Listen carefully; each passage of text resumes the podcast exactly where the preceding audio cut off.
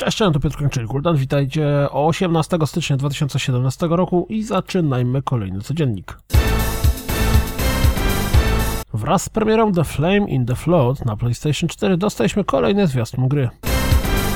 For Honor w małym zwiastunie prezentuje fragment rozgrywki samurajem. Darknet pozwoli nam zagrać hakera zajmującego się hakowaniem wirtualnej rzeczywistości za pomocą wirtualnej rzeczywistości. Incepcja. Zobaczcie zwiastun związany z PlayStation VR. Nowy filmowy zwiastun Injustice 2 wprowadza nas fabularnie w założenia gry. Przy okazji wiemy już, że gra będzie miała 9 postaci w DLC, przynajmniej co najmniej 9 postaci. Little Nightmares, czyli ten horror od Bandai Namco, zadebiutuje 28 kwietnia, a my już dziś możemy zobaczyć nowy zwiastun gry. Gravity Rush 2 tuż przed premierą dostał zwiastun cytujący recenzję. Rzućcie okiem na nowy zwiastun z rozgrywką z Hitmana, bo może zachęcić Was do sięgnięcia po grę. Kitty Powers Matchmaker. Tytuł mówi sam za siebie. Zwiastun mówi nawet więcej.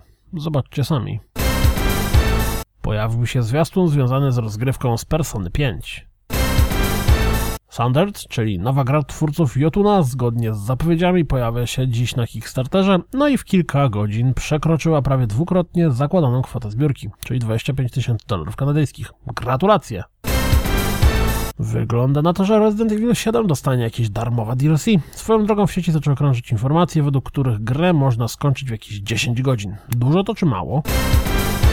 Ubisoft przygotował wyjątkową niespodziankę. Udostępnił demko Watch Dogs 2 i to nie byle jakie demko. 3-godzinny trial pełnej wersji gry. Na PlayStation 4 dostępny jest już teraz, na Xboxie One 24 stycznia. Zagrajcie i przekonajcie się, czemu tak się tą grą zachwycaliśmy.